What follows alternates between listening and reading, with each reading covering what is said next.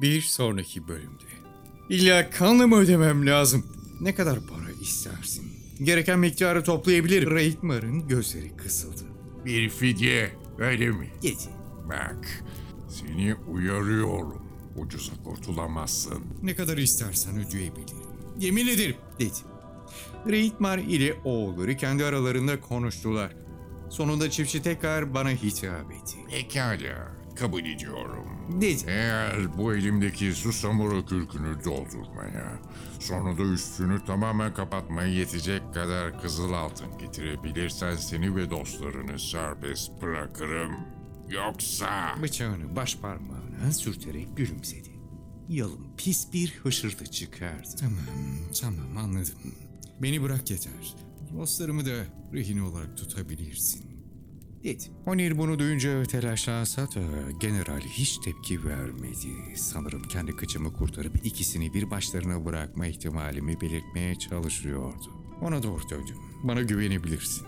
En kısa zamanda geri geleceğim. Dedim.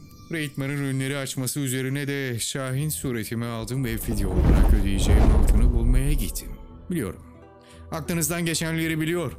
Neden fidye ödemekle uğraşacaktım ki? Odin'in işini bitirmek, Asgard'ı can evinden vurmak. Ah, onca zamandır arzuladığım intikamı almak için harika bir fırsat yakalamıştım. Durun, bir dakika durun. İpin ucunun gittiği yere kadar takip edin. Eğer Reitmar kalkıp yaşlı adamı öldürürse bütün dokuz alem bunu duyardı. Toron'un intikamını çabucak alırdı ve Odin'in ölümünden benim sorumlu olduğum anlaşılırdı. Tanrılar topyekün peşime düşerlerdi. Nereye saklanırsam saklanayım. Arayıp bulurlardı. Beni asla rahat bırakmazlardı. Hatta sırf büyürlerken akıllarını intikam düşünceleri yer etmesin diye ikiz oğullarımı katlederlerdi. Bunu bile yaparlardı. Beni yakaladıklarında ki mutlaka yakalarlardı. Bana öldüresiye işkence ederlerdi. Herhalde niye benden bekleyeceğiniz gibi davranmadığımı artık anlamışsınızdır. Yaşlı adama nedenle kırgın olsam da o hala koruyucumdu. O olmazsa arkadaşsız kalır. Kokmaya başlamış yemek artıklarından daha çabuk bir şekilde Asgard'dan atılırdı. Hayır, Odin'in yanımda yer almasına ihtiyacım vardı. Buna minnet duymasına da. Peki bunu başarmanın kendi canımı riske atarak 12'ni kurtarmaktan daha iyi bir yol olabilir miydi? Reitmar'ın ürünlerinin gücünü bilseydim yuvasına o kadar çabuk girmezdim. Fakat şöhreti kadar altına olan düşkünlüğünden de haberdardım ve yeteri kadarıyla Samur'un talihsiz ölümünü affettirebileceğimden emindim. Evet, itiraf ediyorum. Her şey benim başımın altından çıkmıştı. Odin'in minnetine ihtiyacım vardı. Eee, o tüm zekasına rağmen Ahari'ye olan düşkünlüğüyle bu küçük vadilere ve ormanlara duyduğu sevgiye öyle öngörülebilirdi ki herkesin bir zayıf noktası vardır dostlarım ve onunkisi bu duygusallıktı. Bendeniz. Tüm bunlar onun fikriymiş gibi bir izlenim yaratarak Odin'i önceden belirlenen yere getirmekte hiç zorlanmamışsın. İşinin geri kalanı kolayca hallolmuştu. Bir avuç taş tahmin ettiğinizden daha fazla şeyi alaşağı edebilir. Bir su samuru, bir insan, hatta bir kale bile iyi hedeflenmiş bir taşla yıkılabilir. Artık tek yapmam gereken dostlarımın fidesini ödemeye yetecek kadar kızıl altın bulmaktı. O zaman ben de aklanacaktım. Peki o altını nereden bulacaktım? Evvel aşağı dünyayı düşündüm. Tünel halkı daima her çeşit altını bol miktarda tedarik edebilirdi ama Ivaldi ile oğullarının bu sefer bana yardım etmeye pek hevesli olmayacaklarının fikrindeydim. O yüzden fırtına tanrısı İgir ile karısı Ran'ın dağlar altında bir mağaranın bulunduğu tek denize gittim. İgir'in salonuna ulaştığımda çıplak ve sırılsıklamdım. Tabii onların bunu umursadıkları bile yoktu.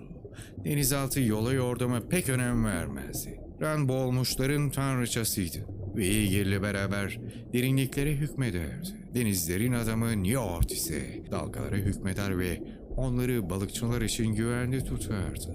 İgir'in fosforlarla aydınlanan ve her tarafından şıpır şıpır sular akan mağaramsız salonu denizaltı mücevherleriyle ve sedef kabuklarıyla bezenmişti. Beni istiridi gözleriyle seyreden deniz köpüğü kadar solguranın oturduğu taht tek bir deniz kabuğundan yapılmıştı. Tahtın önüne kadar gittim ve eğilerek selam verdim. Generalin başı derdi. Bir planım var ama yardımın gerekiyor. Rica etsem bana boğma ağını ödünç verir misin dedim. Ve lanet olası ağrının en değerli eşyasıydı.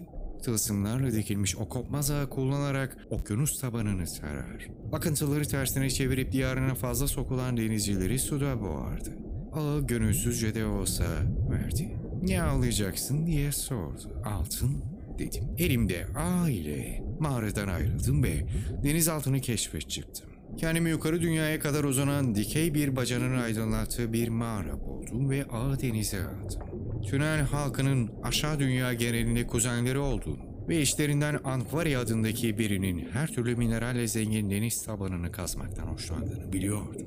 Ran'ın tılsımlarından örülmüş ağıyla Anvari'nin varlığını sezebilmem. Sonra da onu yakalayıp sudan çıkarmam uzun sürmedi. Artık tamamen ocağıma düşmüştü. Evet ki suretini değiştirmişti. Ağıma yakalanan şey çırpınıp duran ve dişlerini gösteren koskoca bir turnaydı. Küçük bir efsun. İsimli bir şey. Söyle bakalım. İsimli bir şey ehli bir şeydir. Ve gerçek adını kullanarak onu asıl suretine döndürdüm. Saniyeler sonra mağara zemininden ufak tefek bir adam oturuyordu. Ağın kıvrımları arasında sızlanıyordu. Ee, burada ne işin var? Ne istiyorsun? Sesi hem dargın hem de ürkek çıkıyordu. Buna şaşırmadım. Antmari'nin halkı Ivaldi'nin sülalesinden çok daha halim ve salimdi. Ayrıca daha ufak tefektiler. Daha ziyade kış savaşının ardından gelip denizaltını ve aşağı dünyayı istila etmiş goblinlere benzerlerdi. Yani ise bak ha, altınını istiyorum. Evet, evet. Burada bir zulüm olduğunu çok iyi biliyorum. Bana bol miktarda kızıl altın vermezsen seni çamaşır gibi sıkarım. Biraz ikna edilmesi gerekti. Fakat istediğim zaman epey ikna edici olabilirim. Veran'ı boğma anında yardımıyla istediğimi ona kabul ettirdim. Sızlanmayı sürdürerek beni gizli demirhanesine götürdü. Kızıl altın stokunu çok sayıda deri heybeyle yerleştirmişti. İşimi bitirdiğimde mekanda bir parça bile altın kalmadı. Anveri'nin benden saklamaya çalıştığını fark ettiğim parmağındaki yüzük hariç. Bak ha, onu da ver. Dedim. Anvari mızmızlanıp yakınsa da hayır cevabını kabul etmedim. Yüzüğü yığını ekledim. Lanetçimdir. Dedi somurtarak. Yaptığın hırsızlığın keyfini çıkartamayacaksın. Kötü şans. Peşini hiç bırakmayacak. Sırıttım. Daha bile iyi. Zira onu kendime saklamayı planlıyordum. Dedim. Bunun ardından altın heybelerini sırtladım. Ve yaya olarak istiyara doğru yola çıktım.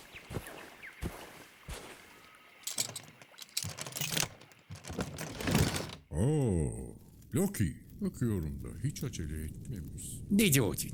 Reitmar'ın evine döndüğümde tutsaklar hala sımsıkı bağlıydılar. Peşmürde, aç ve yorgun görünüyorlardı. Onların başımızdan geçenleri yayacağını bildiğimden bunun iyi bir öykü olacağını tahmin ediyordum. Tabii Randa Igre ve tüm kafadarlarına Loki'nin dostlarını kurtarmak için kurduğun ininin nasıl cesurda girdiğini anlatacaktı. Sırıttım. İşte geldiğim buradayım. Sanırım ne getirdiğimi gördüğünüzde Samur'un fidesini fazlasıyla ödemiş kabul edeceksiniz. Oğulları heybelerdeki altını sayarken Reitmar tutsaklarının bağlarını çözdü. Su Samur'un postunu altınla doldurdular. Sonra da kalanları patladı patlayacak hayvan leşinin üstüne çilek sarısı bir höyük gibi yığdılar. Odin sızlayan bileklerini ovuşturarak onları sessiz sedasız seyretti. Yani be, tıpkı o da benim gibi. O da yakalanıp küçük düşürüldüğü için kızgındı. Yine de baba ile oğullarına bakarken hiç konuşmadı. Sonunda hayvan postu ağzına kadar doldu ve üstü burnundan kuyruğuna kadar altınla kaplandı. Yalnızca bir bıyık teli açıkta kaldı. Alsınlar bu kadar. Dedi Odin. En iyisi kalanını da kanla alırım. Diyen Reitmar bir kez daha hançerini çekti. Bekle. Seni aç gözlü. Bir de bu var. Antvari'den aldığım yüzüğü çıkardım. Onu elbette Odin'e vermeyi ummuştum. Ama bıçak kemiği dayanınca elden bir şey gelmezdi. Sence bu yeterli olur mu? Eğilip bıyık telini kan kırmızı yüzükle kapattım. Ucu ucuna. Dedi Odin. Ona gülümsedi. Benden şüphe duyduğunu hissediyorum. Asla. Bir saniye bile duymadım. Böylece ev sahibimiz son derece gönülsüzce üçümüzü serbest bırakmak zorunda kaldı. Eşi yaşarken başını çevirip ona baktım. Bu arada o yüzük Anvari'nin lanetini taşıyor. Umarım keyfini çıkartırsın. Kardeşimi rehin tuttuğun için sana müstehaktır. Odin beni göz ucuyla süzdü. Sahiden de sürprizlerle dolusun. Dedi. Hayatını kurtardığımı unutma yeter. Bana güvenebileceğini biliyorsun. Gülümsedi. Biliyorum. dedi. Bir an için ikimiz de yalan söylemediğine inanacak gibi oldum. Ağzımızdan çıkanların bir defa besleme hatasına düştüğümüz kuduz köpekler gibi geri gelip başımıza iş açması ne komik. O sırada bilmesek de yaz günlerimiz sona yaklaşıyordu. Mevsim değişmeye, gölgeler uzamaya başlamıştı. Batan güneşin gül pembesi ışığı yanıltıcıdır. Etrafımızdakilerin yüzlerini vurarak onları birer dost gibi gösterir. Fakat değildirler. 10 dakika sonra güneş batında kimse kimsenin gözünün yaşına bakmayacaktır. Kaderinizi ey toprağın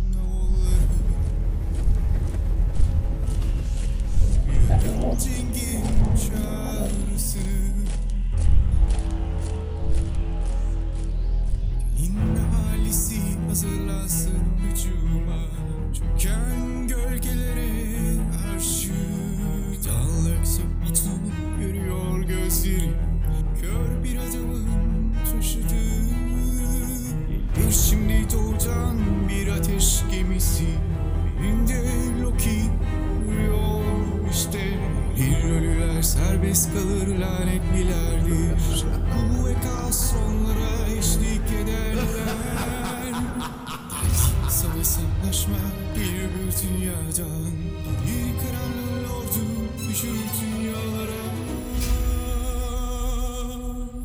İkinci sezonun sonu